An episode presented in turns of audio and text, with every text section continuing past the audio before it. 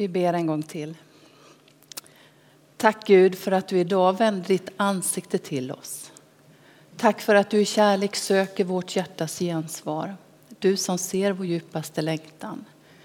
Visa oss din kärlek i tanke, ord och handling. Kom och fyll oss med din frid och närvaro var helst vi befinner oss. I Jesu namn. Amen. Idag har jag satt rubriken Du valde mitt hjärta. All form av efterföljelse, som är kyrkårets text idag, handlar om ett beslut från vårt innersta, vårt hjärta. Den plats varifrån vi möter varje ny dag. Så frågan är, vem och vilka får tillträde till ditt innersta? Vem delar du din längtan med och vem längtar efter dig? Och vem följer du?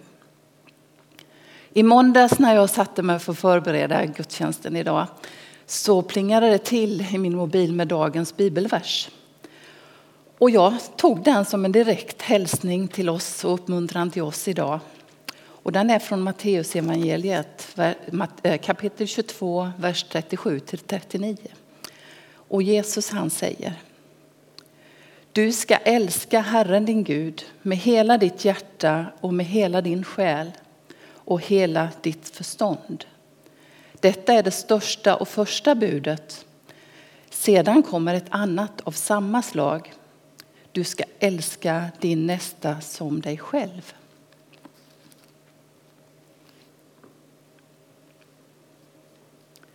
Guds ord, Bibeln, är full av hjärtan.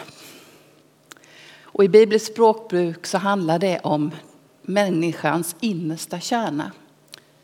Människans ande från vilken tankar, mod, minnen, beslut och vilja kommer fram. Mer än allt annat, vakta ditt hjärta, ty hjärtat styr ditt liv. Det hjärtat har fullt av, det talar munnen.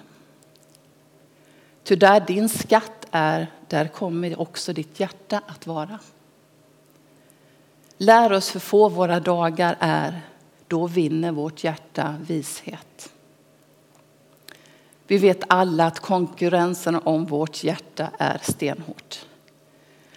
Vilken röst som vinner beror oftast på det sammanhang vi befinner oss i eller på vilken längtan vi har innerst inne. Omedvetet eller medvetet. Och Gud finns faktiskt också med på den här spelplanen. Och frågan är om vi hör honom i bruset av allt annat. För det finns nog ingenting som vi är så rädda om som vårt hjärta, vårt innersta. Det rum som vi skyddar, det som vi öppnar och stänger. Det rum som vi har en tendens att bygga murar omkring. För att skydda vår egen sårbarhet, allt beroende på vilka erfarenheter vårt liv har gett oss. Kanske det är mer som ett hus med olika rum. En del både vill och kan vi visa upp. Andra stänger vi och en del låser vi och en del vill vi överhuvudtaget aldrig komma in i igen. På olika sätt så försöker vi att hålla kontrollen och fasaden uppe. Och tror faktiskt i detta sammanhang många gånger att ensam är stark. Även om vi inte tror på det i andra sammanhang. Och det är faktiskt härifrån du och jag hanterar vår vardag. Och den naturliga längtan och sökandet efter att få ett lev, meningsfullt liv. En ärlig längtan att bli sedd, älskad trots brister. En närvaro som skapar trygghet och vila. Eftersom vi alla känner vårt inre så kanske vi anar här att vi själva kanske inte är den bästa orienteringspunkten i våra liv. I alla fall inser jag det själv, att handlar allt om mig så är det kört. Alla önskar vi att leva lyckligt och ha ett bra liv. Och vi söker detta på olika sätt. Behovet av kärlek och gemenskap och tillhörighet är nedlagt i oss. Saknas det så gör vi allting för att försöka gripa fatt i något form av halmstrå. Gång på gång på gång. Och misslyckas det så uppstår det lätt ett vakuum i oss. Vi känner oss sårade och det gör att vi börjar söka på platser som inte är riktigt bra för oss. Allt för att döva den längtan vi har. Och ibland inser vi att vi är bundna. Vi kommer inte ur mönstret som skapats eller den bild som andra har fått av oss. Vi människor är meningssökande och vi vill förstå och förklara vår existens. Våra tankar handlar mycket om hur hittar jag min väg? Vad är min sanning? Och vad kan jag göra för att finna den bästa vägen i mitt liv och kunna leva fullt ut? Jag sa min väg, för det är så vi har det samhället idag. Det är jag, min och mitt. Jesu liv visar på en helt annan riktning, men vi återkommer till det. Vi läste att älska Gud av hela vårt hjärta, av hela vårt förstånd. Att älska någon av hela hjärtat går inte att göra från en åskådarplats. Den jag älskar, oavsett vem det är, får min uppmärksamhet. Den sätter mig i rörelse. Den ger konsekvenser i mitt liv och i min omgivning. Den påverkar allt jag gör. Den blir synlig både för den jag älskar och för min omgivning. Det är oftast ett viljebeslut, för det handlar inte om förälskelsen. Kärlek är ett viljebeslut som paradoxalt nog kanske mest blir tydlig i livets motgångar. Vågar vi tro att det är så kärleken från Gud också ser ut? Att hans kärlek till oss syns och känns. Att den till och med blir tydligare när vi har det svårt. Hur uppfattar vi då det i allt brus omkring oss? Psalmisten skriver Sök Herren, mana mitt hjärta. Dig, och Herre, söker jag. Många barn som har blivit adopterade berättar om en stark inre längtan att få träffa och få ett svar på frågor. Vem är min biologiska förälder? Vad var det som hände? Vem är jag? Och detta oavsett hur bra de har det i sitt nya sammanhang. En inre längtan drar henne tillbaka till sitt ursprung. Och jag tänker att det finns kanske en likhet här. Att den inneboende längtan i oss bottnar i att vi söker den som ytterst gett oss livet, vår far, skaparen Gud själv. Och vår längtan är ömsesidig. Livet blev på ett annat sätt än ursprungstanken. Men glädjen vid återföreningen är fylld av tacksamhet och blandade känslor. Hela Bibeln talar om den Gud som gör allt för att få visa sin kärlek och vara närvarande i våra liv. Och Gud blev människa i Jesus Kristus. Och genom hans liv, död och uppståndelse så har han vunnit seger över död och liv, vilket gör att vi nu har en öppen väg till Guds närvaro. I avskedsbrevet till lärjungarna så säger Jesus så här. Jag är vägen, sanningen och livet. Ingen kommer till Fadern utom genom mig. Ett uttalande som ibland kan kännas lite provocerande i våran tid. Raka motsatsen till jag, mig, mitt och ditt. Min sanning, mitt liv. Han säger rakt ut att han är och har svaret på det vi alla söker. Livets mening. Att det är genom att tro på honom, att följa i hans fotspår som vi kommer att få lära känna livet och dess mening, vårt ursprung och Guds kärlek. Lärjungarna hade många, under några år nu fått gå omkring med Jesus. Och vad de fick se var ett liv i utgivande kärlek. Ett liv där Jesus i mötet med människorna såg bakom den här yttre fasaden som vi lätt håller upp. Och han talade direkt in i deras hjärtan. Han såg deras längtan, uppenbarade sanningen och mötte och bekräftade dem det kunde vara en längtan efter gemenskap, helande, förlåtelse eller upprättelse. Och det blev faktiskt livsförvandlande möten som ledde till befrielse, omvändelse och helande. Guds kärlek och ursprungstanke för oss blev synlig. När vi väljer att svara ja på Guds inbjudan om att dela livet och kärleken med honom så kommer denna kärlek att få konsekvenser i våra liv. Det är ingen tillfällig förälskelse från hans sida, det är en evig kärlek där han vill finnas med i livets med och motgångar.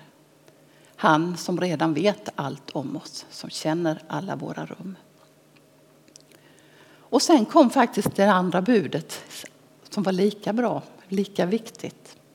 Därefter, du ska älska din nästa som dig själv. Relation är det svåraste som finns. Så kreativt och livgivande när det fungerar. Så själsdödande och destruktivt när det inte fungerar. Men vi har fått budet att älska vår nästa som oss själva.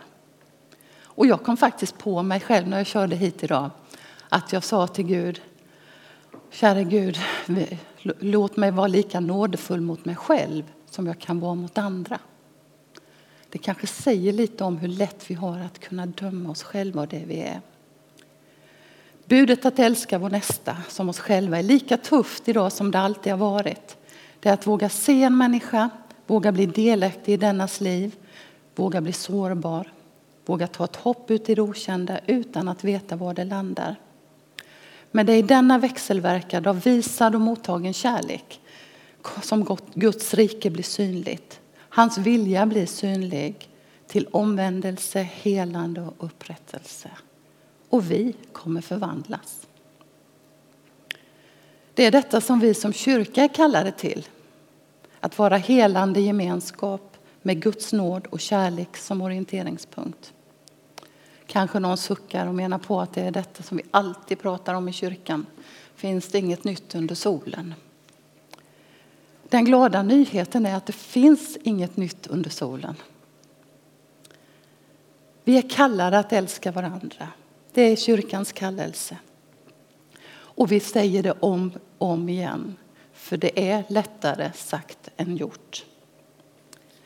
Och när vi ser på det här med det andra budet som var viktigt, eller den här bibelversen vi läste, så var det faktiskt fariseerna som frågade Gud, eller Jesus, vilket var det viktigaste budet.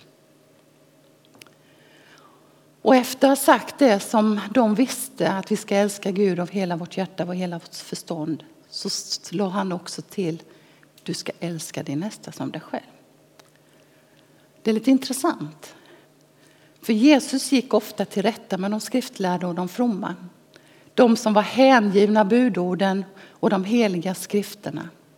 I sin nitiskhet att följa budorden tenderade de att bli självgoda. Att genom de yttre gärningarna, det de sa och gjorde, på det sättet ville de få människors beundran. Och i denna nitiskhet att alla skulle följa lagen så sökte de efter fel och brister hos folket för att kunna ställa dem till rätta. Jesus var tuff mot dem, är det minsta man kan säga. Deras blick var fel inställd. Lagen och domen blev centrum istället för en kärlek till sin nästa som hjälper och befriar. Bär varandras bördor så uppfyller ni Kristi lag. Och många av oss som lyssnar idag har kanske en tro på Jesus. Och vi kanske behöver vakta våra hjärtan så vi inte hamnar i samma fälla. Att vi binder istället för löser de människor vi möter. Oavsett vad din innersta längtan är idag, vad Gud talar till dig om under den här gudstjänsten, så klappar hans hjärta för dig och han vill att du ska bjuda in honom och dela ditt liv med honom. Han vill finnas med där genom sin ande. Han har valt ditt och mitt hjärta som mötesplatsen för hans kärlek. Den mötesplatsen varifrån vi möter varje ny dag. Jag har i mitt fönster den här glasskulpturen av Sara Bergqvist som jag älskar oerhört mycket.